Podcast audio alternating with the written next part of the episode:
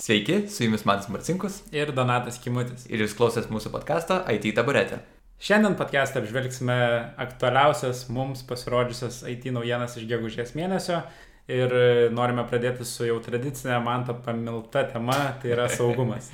E, Vis dar Google'as siūlo man skaityti apie tai, aišku, ir įdomių dalykų perskaitau, tai su jais ir noriu pasidalinti. Tai pirmas įdomus dalykas, ką perskaičiau, tai buvo Europoje e, daug superkompiuterių buvo užkrėstų virusų, kuris mainino kriptovaliutas. Tai tiem žmonėm, kurie užkrėtė tus kompiuterius, buvo naudinga, nereikėjo pirkti savo rekų, vaizdo plokščių ir panašiai. Mm. Nu, visai gerai. Pasirodo, tai buvo atlikta ta už, užpulti tie kompiuteriai per kompromituotus SSH prisijungimus tiesiog. Ir jų dauguma buvo atjungti. Ir tai kompiuteriai buvo išdėstyti nu, skirtingų įmonių ir panašiai. Tai reiškia, kad ataka buvo tokia labai specifinė ir žinojo, ką puola.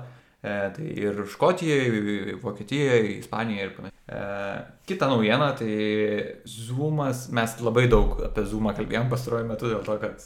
Nu, visas- aktuali tema, naudojama. Taip, taip, taip. Jie pasirodo turi 90 dienų planą e, susikūrę, kur, e, kurio metu bando užtikrinti vaizdo skambučių tos programos e, saugumą ir kokybę šiaip Mhm. bendrai. Tai dabar jau kompanijas pradeda naudoti ir net palaiko, kad galima naudoti dėl tam tikrų atnaujinimų, kurie įvyko visai neseniai, vakar ar už vakar.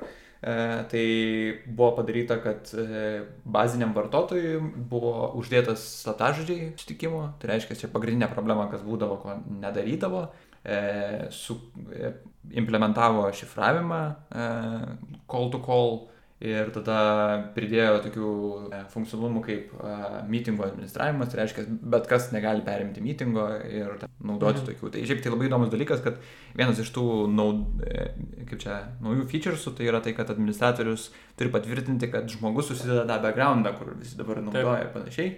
Nes jis buvo labai dažnai naudojamas, pavyzdžiui, mokyklose, kai Zoomą naudoja pamokose. Mhm. Ir užsidėdavo žmonės, nu, vaikai užsidėdavo, nu ką vaikai užsideda ant tokių backgroundų. tai, tai dabar jau galima bus naudoti ir mokyklose, tai labai įdomus dalykas. E, kita naujiena, e, Siri ir virtuali asistentė Apple e, jau buvo nekarta paminėta ir Amazon Alexa ir Google'as, kaip klausosi kažkokių įrašų, kai tu to nenori ir panašiai. Tai vėlgi išlindo naujienos, kad e, e, Apple'as toliau įrašinėja, nors jau turėtų pagal įstatymus nebeįrašinėti, tai labai didelis sujudimas yra. E, dėl to, o kodėl taip atsitiko, dėl to, kad kai kurie nu, kontraktoriai žmonės pasakė, kad nu, vis tiek įrašinėja pokalbius Siri, nes vis tiek normalu, kad patikrinti kokybę, bet jie turi būti kviečiami, nu, Hello Siri ar kažkokia Mhm. kita pagalba, nu, suprantame, raktažodžių. Ir žmonės išgirsta tokių paslapčių arba tokių garsų, kurių neturėtų įrašinėti Siri šiaip.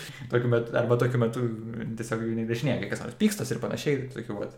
Tai vėlgi labai daug sujudimo Junktinėse Amerikos valstijose, kur vis tiek Apple'as save bazuoja, tai dar daugiau įstatymų priminėjama dėl to ir panašiai. O įdomu, Apple'as šiuo metu Amerikoje pirmauja vis dar? Pa, pagal ką? Pagal Pagal... te- telefonus.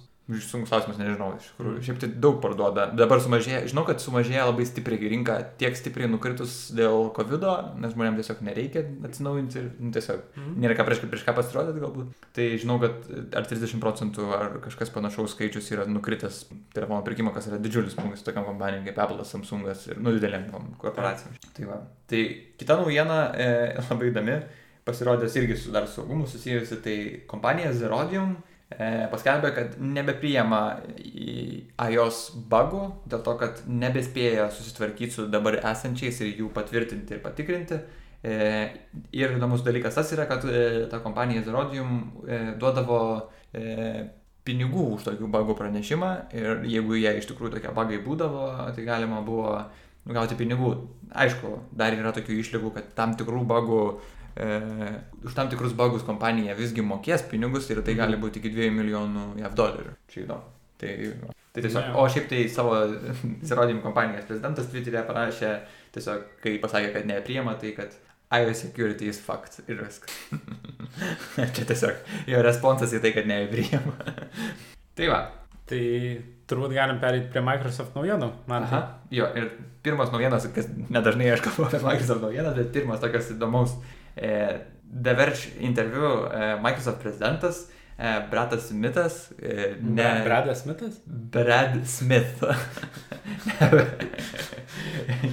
Gegužės mėnesį turėjo interviu ir pripažino, kad Microsoft padarė klaidą, nurašydami atviro kodo idėją 2000 metais, kurios 2000 metais Steve'as Ballmeris tuo metu CEO buvęs pavadino atvirą kodą kaip vėžiu, bet mes jau pastebėjom, nekartą jau podcastą minėjom, kad Microsoftas eina į tą atviro kodą taip, labai ryštingai ir šiaip matom, net ir šiandien kiek naujienų apie mm E, kas liečia atvirą kodą ir Microsoft šiaip. Tai tuo pačiu pratesi dar, kad pripažino ir dabar judėjimas yra tik tai open source ir labai daug to open source atviro kodo. Tai kad Microsoft su naujais atnaujinimais Windows platformai jie dabar leis ir Linux kernelį. Savo custom, bet vis tiek jau Linux kernelį, tai galima bus naudoti nu, dvi platformas žmonėm, pavyzdžiui, developeriam visai naudingam. Tai va, tai tokios naujienos. Iš mano pusės, na, tai pas tavęs turėtų būti daugiau.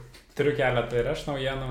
Tai pati pirma yra ta, kad Microsoftas išleido naują frameworką, labai mielų pavadinimų, aš jį aišku skaitau mielai, šiaip kitoks, .NET MEU, bet iš tikrųjų vadinasi MAUI, e, tai yra daugia platformė e, UI e, platforma iš esmės. Ir jinai nėra kažkas labai naujo, jinai keičia jau šešis metus egzistuojantį Samarino e, projektą, tai tiesiog tai yra atnaujinimas, pabūstinimas viso šito.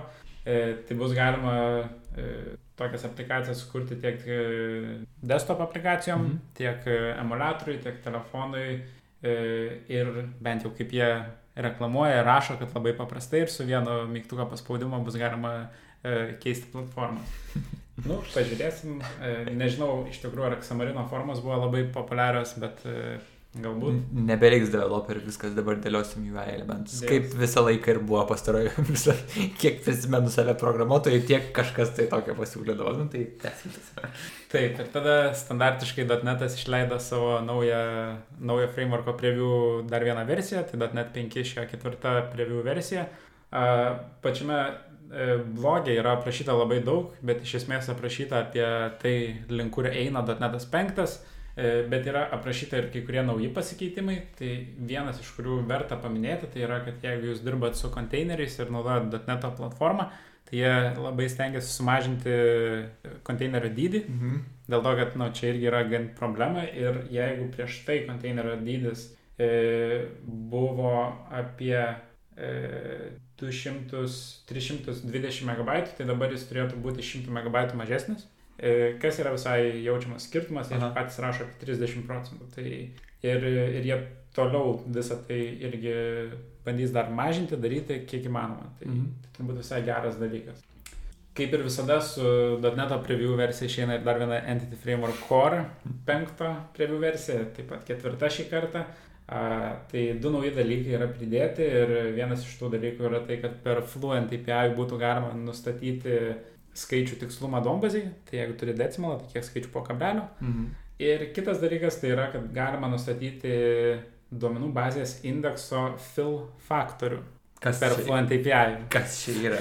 jo, man tai norėjau klausti, ar žinai, kas tai yra, nes aš irgi nežinojau, e, bet pasidomėjau ir iš tikrųjų labai įdomus dalykas. Tai Duomenų bazės turi indeksus. Taip. Indeksai sudėlioja duomenys į kažkokius tais puslapius. Taip. Dar vadinamas lapais kartais. Aha. Ir jeigu mes nieko nenustatinėm, tai dažniausiai duomenų bazės driveris, Microsoft duomenų bazės driveris stengiasi tuos lapus užpildyti kiek įmanoma iki pilnumo. Mhm. Tai vienas lapas, jeigu jis turi, tarkim, 60 vietų, jis bando visas 60 ir užpildyti. Su fill faktorium tu gali nurodyti, kad uh, nebūtinai užpildytų visą, o kad, pavyzdžiui, užpildytų tik 90 procentų, Tai jeigu tu turi 60 Aha. vietų, tai ten užpildys, tarkim, 55 kokias. Ir ką tai pagerina, kad jeigu tu naudoji netrivialų tą indeksą, kuris yra pagal e, kažkokį int ar longą, kur eiliškumo tvarka viskas eina, ir tu įrašinėjai duomenis į vidurį kažkur indekso, ir jeigu tu, tarkim, neturi to fill faktoriaus, tai reiškia, kad tavo įrašas eina į vidų, tu kuri naują puslapį gale, visus duomenis, kurie yra po jo shiftini per vieną. Aha. Ir, nu, žodžiu, visai nemažas darbas duombazė ir tada performances gan nu, nu, nukenčia. Geras, jo. Tai, tai bet tuo pačiu, nu, aš ten skaičiau tokį blogą, Tai žmogus sako, kad tik nepradėkit dabar visi dėti tų fill faktorių visoms lentelėms, nes šiaip tai irgi nėra gerai. Nes ką tas fill faktorius padaro, tai kad iš esmės jeigu tu turi puslapį, kuriame yra 60 laisvų vietų, 55 užimtos, bet diskės vis tiek užima 60 vietų. Mm. Tai, nu, labai irgi gali performance įkliūti ir jeigu turi didelę dombazę, bet jūsų use cases yra paprastas, kur tiesiog įrašinėt naujus įrašus ir nedarot tokių shiftinimų, tai e, ne tik, kad neapsimoka, bet ir nerekomenduojama, nes blog autorius bent jau pažymė, kad tikrai susidursit su problemom anksčiau ir vėliau. Mhm. Tai visai iš tikrųjų įdomus feature'as, e, faina ir išmokti tokių dalykų. Aha, iš tikrųjų įdomus. Taip. Tada sekantis dalykas yra, kad .NET Core vis dar dirba ant Windows formų. E, labai populiaraus dalyko, negaliu susilaikyti. E, bet iki šiol vis dar nebuvo normaliai galima jų programuoti su .NET Core. Iš esmės visas backendas kaip ir veikia, bet pats formų dizaineris dar nebuvo pritaikytas. Mhm. Tai jie dabar jau išleido dar vieną previewą E, dar update'ino ir dabar jau galima tame preview'e tampyti visus tos boksiukus kaip anksčiau ir iš esmės galima daryti. E, tačiau vis dar nėra nemažai feature'ų, bet Aha. iki .NET 5 turėtų jie visi atsirasti. Taip pat bent jau šį mėnesį C Sharpas 9 vis dar neišėjo, tačiau Microsoftas aprašė update'ą apie C Sharpo 9 naujus feature'us ir iš tikrųjų tų feature'ų atrodo, kad bus labai nemažai, kai kurie iš jų Synthetic Sugar, kai kurie ne. Mhm. Uh, tai labai rekomenduoju tiem, kurie domitės C Sharpu, nueiti į Microsoft dev blogus, uh, .NET dev blogs ir pasiskaityti, kokie nauji feature'ai yra. Viena, vienas iš kurių galiu paminėti, kuris visai įdomiai atrodo, tai kad bus galima apsirašyti uh, E, init only properčius. Reiškia, kad tu tuos properčius galėsi jų reikšmę nusetinti tik tais inicializa, objekto inicializavimo metu ir mhm. vėliau jie nebetampa tampa nebegalimi pakeisti. Tai reiškia, kad jeigu jūs iki dabar apsirašinėdavot vien tik tai konstruktorius tam, kad uždaryti tą klasę nuo vėlesnio pakeitimo, tai init properčiai irgi kaip ir sprendžia šitą bėdą. Jie gal šiek tiek kitaip sprendžia, nes tada tu ir klasės viduje nebegali keisti. Jo. Tada sekanti naujiena iš Microsoft tai yra e, labai gražių pavadinimų YARP. E, tai yra .NET Core Based Reverse Proxys. E, tai Microsoftas vėlgi kol kas tik tai preview versija, turbūt šipins irgi su penkta, su penkta .NET versija. Jis yra built-in į .NET, jis mhm. puikiai dirba su Kestreliu, su ISU, su HTTP SISU. E, leidžia daug e, laisvės konfiguracijai ir kuo, e, ir ten komentaruose vėliau skaičiau, kuo, kodėl, pavyzdžiui, geriau man nenaudoti Nginx. -o. Tai dėl to, kad čia yra native toolsas, kuris yra built-in į core ir mhm. dėl to, kad tu gali toj pačioj aplikacijoje savo konfiguracijoje tiesiog setupinti viską. Na nu, tai iš esmės yra paprasčiau turbūt, Aha. jeigu tu naudoji netinę aplikaciją. Dar vienas įdomus faktas apie JARPą faktas, ne faktas, bet tiesiog dalykas, kurį paskaičiau komentaruose, tai vienas žmogus e, šiek tiek kabinėjosi prie e, pavadinimo JARP. E, tai tiesiog komentaras sako pray spelled backwards, tai JARP. JARP. Ir tada viena iš ko autorių atrašė, kad iš tikrųjų tai nėra pagal pray žodį, o šitas pavadinimas pradėjo savo gyvenimą kaip yet another reverse proxy. Tai kad ir kaip jo sarkastiškai tai skambėtų, bet iš tikrųjų va, tokie pavadinimai kartais e, iš to ir kyla. Nu ir turbūt paskutinė Microsoft naujiena, e, nebent man tas dar turės, e, ir turbūt labai džiugi naujiena daugumai Windows naudotojų, tai yra, kad pagaliau išleidžia Microsoftas, vėlgi, previewą. Bet e, viskas, viskas, viskas bet kaip ir sakėm, jie juda link e, atviro kodo tai išleidžia Windowsų Package Managerį. Tai reiškia, kad bus galima iš Windowsų native toolso daryti win-get install VS Code ir jums įrašys Visual Studio Code.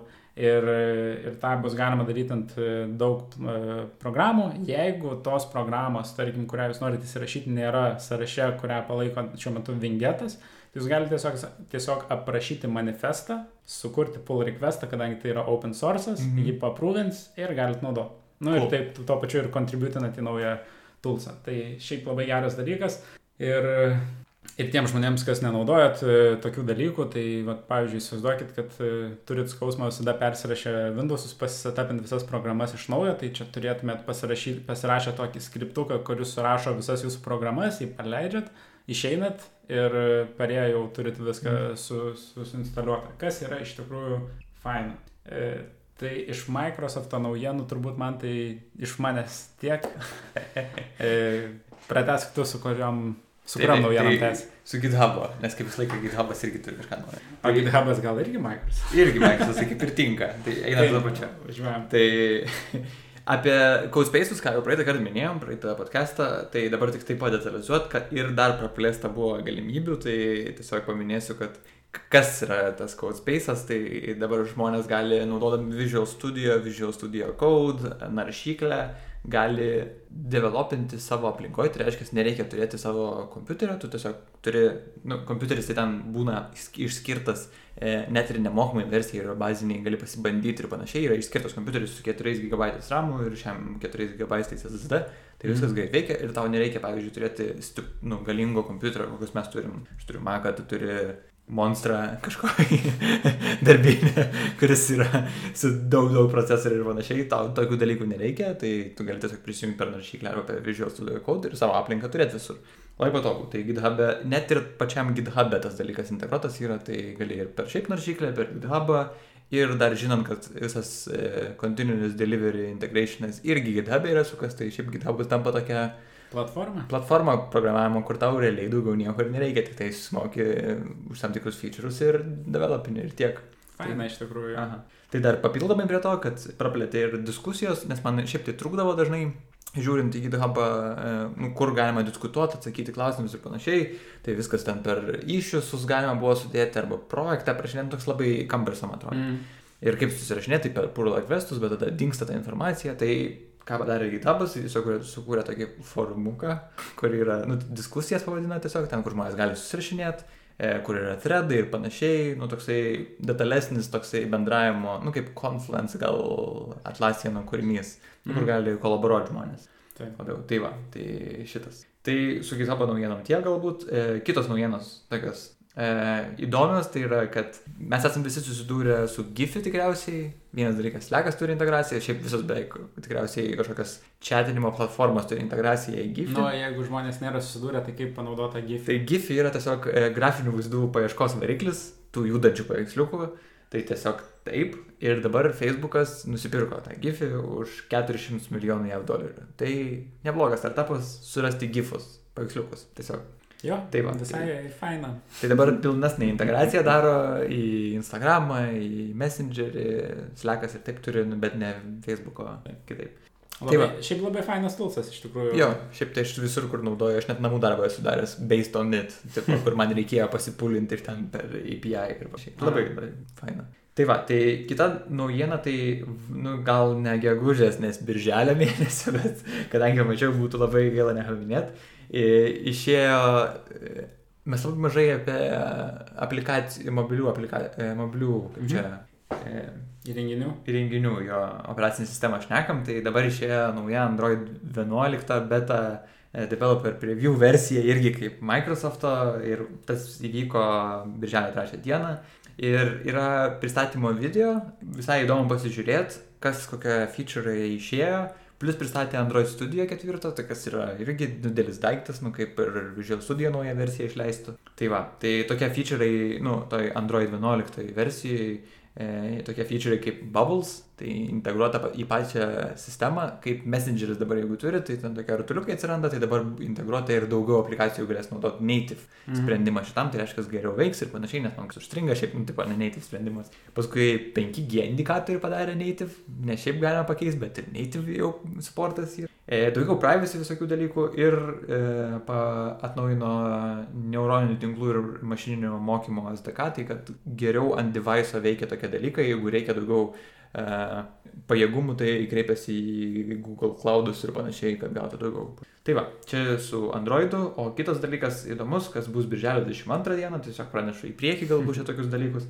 kad verta, nes tikriausiai nespėsime minėti ir bus jau. E, Apple Worldwide e, Developers konferencija bus, e, tai yra programuotojų konferencija grinai su Apple susijusi ir ten yra tikimasi sulaukti iOS 14 versijos, paskui ten iPad versijos 14, kas turi... iPad operacinės sistemos ar įrenginio? iPad operacinės sistemos. Mhm. Tai neįrenginio. E, tada Makoso naujos versijos 10.16, kas eina po Katalinos e, ir laikrodžių. Nu, ten visas atnaujinimas, visas, kas kokie features ir panašiai, tai labai įdomu, šiaip tai pasižiūrėti dažniausiai būna, nes ger, geri pristatymai būna ir iš tikrųjų sprendžia labai tokios legit problemas. Nu ir dar vienas dalykas į ateitį, tai aš tiesiog pamačiau, galbūt kažkada nepastebėsim, bet e, yra hackatonas, Coding Game Fall Challenge vadinasi. Ir ten e, žmonės susirinka arba kompanijas ir varžosi tarpusavyje ir nori, e, nu tiesiog varžosi e, turnyrinėse lentelėse, kas geriau sukodins tam tikrus uždavinius. Šiaip daž, dažniausiai būna kažkokie žaidimai, bet šiaip tai įdomu turėtų būti. Mhm. Tai va, tai tiek galbūt. Tu donatai žinau, kad dar kažkur tai kažką norėjai pranešti. Taip, tai aš irgi dar į, į ateitį žiūrint į birželio 26 dieną konkrečiai, tai čia penktadienis, e, Danske bankas e, organizuoja hackatoną studentams e, spręsti finansinės problemas. E, Pavadinu Finha- FinHack. Ir, e, ir iš tikrųjų turėtų būti labai įdomus hackatonas dėl to, kad e, dalyvausiu ir aš. Bet e, iš esmės yra šiuo metu labai įdomių sugalvotų problemų, kurias reikia išspręsti, kaip e, protingai taupyti pinigus, Mhm. e, kaip edukuoti žmonės apie visokias paramas, kurias galima įsisavinti ir kaip, e, pavyzdžiui, pagelbėti vietiniams verslams, e, nes nu, šiuo metu yra ganėtinai sudėtinga. Mhm. Ir e, jeigu jūs esate studentai ir dabar klausot, tai dar vienas labai svarbus faktorius yra tai, kad prizinis fondas yra 5000 eurų. Wow, palauk, aš, aš galiu dalyvauti. Tada, tada, ai, tu gali. Aš Tu studentas. studentas. Taip, o, o, apeinė sistemą, kaip programeris. Tai, va, tai, tai šiaip kviečiu. Nesidarys savo gėdą, šiaip atsiprašau, nedarys savo gėdas, tiesiog. Turėtų būti visai įdomu. E, tada galim eiti prie kitų naujienų ir iš tikrųjų jau einam į pabaigą. E, viena iš įdomesnių naujienų, kurią radau Reddit'e tarp top e, postų prie coding sekcijos, e, coding slash programming, yra ta, kad Chromas nuo e, rūpiučio mėnesio pradės blokuoti reklamas, kurios užima daugiau nei 4 megabaitus. Mhm. Tai tokie žaidimukai kažkokie. žaidimukai, jeigu kažkokį video streamina Aha. ir, ir labai daug interneto dėl to suvalgo. E, ir ne vien tai, ten yra daugiau apribojimų apie tai, kiek, e, kiek laiko naudoja pagrindinį Fredą. E, Mhm. ir, ir jo, iš tikrųjų visai įdomus dalykas ir tai reiškia, kad ne tik adblokas blokuos reklamas, bet ir pats Chromas jau daro. Tai, tai visai įdomu ir bus įdomu iš tikrųjų pažiūrėti, ar nuėjęs į kurį nors saitą, e, rūpjūtį pas, pasimatys, kad yra mažiau reklamų. Aš kaip tik dabar va, sėdėdamas čia, mes ruošiamės podcastui, aš sėdžiu ir sakau, oi kiek daug reklamų vienam puslapį, nes atsidariau ir buvo kas septynios ar aštuonios, kurias reikėjo ir dar to pačiu video groja kažkur apačioj. O, Jau būna tas geriausias jausmas, kai kažkoks video prasideda, tu skrolini kažkur ir jau nebežinai, kur tas video ir jis neišsijungia. Toks, ką devit. E, tada sekanti naujiena, kurią taip pat užmačiau Reddit'e, yra e, Visual Studio Code extensionas tam, kad galėtum daryti draw.io diagramas jame, pačiame Cool. Visual Studio Code. E, išbandžiau, labai viskas paprastai pasileidžia, e, netgi proxy jokie ne, ne, neblokuoja, jeigu esi korporaciniai sistemai. E, sistem, korporaciniam tinklui turiu omenyje. Ir, ir iš tikrųjų atrodo, kad labai fainai veikia ir drojo juodas, nes Visual Studio Code tematikams. Juoda, Tai visai kitaip atrodo iš tikrųjų. Ir, ir tuo pačiu iš tikrųjų pamačiau, e, bet čia jau nebėra naujas dalykas, bet noriu vis tiek dar pareklamuoti labai greitai, tai dar vieną extensioną, kuris yra skirtas Atlassiano toolsam. mhm. Tai iš esmės tu gali kurti ir valdyti savo Jira tiketus iš Visual Studio Code. Ir tu, aišku, gali susijęti komitus labai paprastai, nu, Aha. viską ten labai paprastai gali daryti. Ir netgi jeigu naudoji stešą arba bitbucketą, tai gali ir pull requestus inicijuoti ir daryti, ir aprūvinti, ir rašyti Aha. komentarus. tą tai irgi skaičiau. Bet čia labai įdomu pasidaro toksai Visual Studio, toks įrankis, kur jau viską daryti galėsi. Aš net, pavyzdžiui, dabar nebežinau, nu, aš kodinu Ruby, tai, nu, tipo, aš nebežinau, kodėl IntelliJaus įrankiai yra naudingi. Nu, e, JetBrains, atsiprašau. Mm. Toksai, nes nelaimi, nes čia patogiau viskas vienoje vietoje yra. Jo, iš tikrųjų, turbūt vienas iš geriausių dalykų yra tai, kad extensionus gali visi rašyti. Jie Aha. yra nemokami. Aš nežinau, gal ir Nemokam, ne, ne, nežinau. Čia tikriausiai yra, kad jo. nemokam kažkokiu mokamu, bet tuose E. ne, iš, ne Open Marketplace to, kur. Tai, tai manau, kad vienas, viena iš priežasčių ir yra ta. Ir, ir dėl to labai atsiranda daug e, dalykų. Mhm. Taip, ir pabaigai tada populiariausias Stack Overflow, overflow klausimas e, gegužės mėnesį ir klausimas tai labai įdomus, e, įdomus slash keistas, gal taip sakyčiau. Tai klausimas skamba taip, kaip Chrome naršyklė nusprendžia, e, kad reikia pahighlightinti double klikinus žodį japonų kalboje. Aha. Nu ir žmogus toliau aiškina e, tiems, kurie nežino japonų kalbos, kad japonų kalboje nėra jokių tarpų tarp žodžių. Aha. Ten yra tiesiog simboliai, kurie reiškia vieną arba daugiau žodžių. E, kai kurie simboliai, e, nu, vien, vienas žodis gali būti sudarytas, pavyzdžiui, iš penkių simbolių, bet gali ir iš vieno simbolio būti sudaryti, bet jie neturi jokio atskirimo. Aha. Na, nu, o šiaip, pavyzdžiui, angliški žodžiai arba lietuviški žodžiai, tai juk turi atskirimą ir tu dabar klikini ir labai natūralu, kad kai yra spaces, nu tai jį ir pažymė. Tada. Taip. O čia tiesiog žmogus japoniškai suprantantis pažymėjo žodį, double klikino į tą visą kratinį ir jam pažymėjo žodį. Nu ir jis paklausė. Tai atsakymas yra paprastas. Paprastas. Iš esmės yra e, žodžių segmentuotojas e, Chrome ir aštuntoje versijoje jis e, buvo šiek tiek patobulintas ir buvo pridėta japonų kalbos handlinimas. Aha. Ir yra tam tikras skaičių žodžių, kuris yra įvestas į Chrome ir jis juos atpažįsta. A, Tai nėra nieko labai paprastai, Nėra nieko jo labai stebuklingo. E, kaip prašė, pati kokybė to irgi nėra labai labai gera, kadangi tai yra baigtinis žodžių kiekis. Nu, bet visai įdomu ir, ir visai daug apautų su, sulaukęs klausimas. Jo, tikrųjų įdomu. Toks netradicinis, gan sakyčiau. Ne, Ne, nes programavimu šiaip susijęs. ne, bet, Ne. bet, bet, bet nu įdomu, tas net reiškia, kad čia sprendimas priimtas toksai buvo, kaip išspręsti highlightinimą japonų kalbos, arba šiaip kitos kalbos, tikriausiai kiniškai irgi turbūt, turbūt tas, nu bet tokia buvo. clue. Nu, žodžiu. Nekalbam tom Taip. kalbam. tai turbūt viskas. Viskas, jo. Tai ačiū visiems, kas klausėtės. E, Kaip visada, prenumeruokit mus, palaikykit, lauksim komentarų, jeigu e, norit, turit kažkokių klausimų arba temų, ką norit, kad aptartume. Ir iki kito susitikimo. Su su jumis buvo Matas Marcinkus. Ir Donatas Kimutis. Ačiū ir iki. Iki.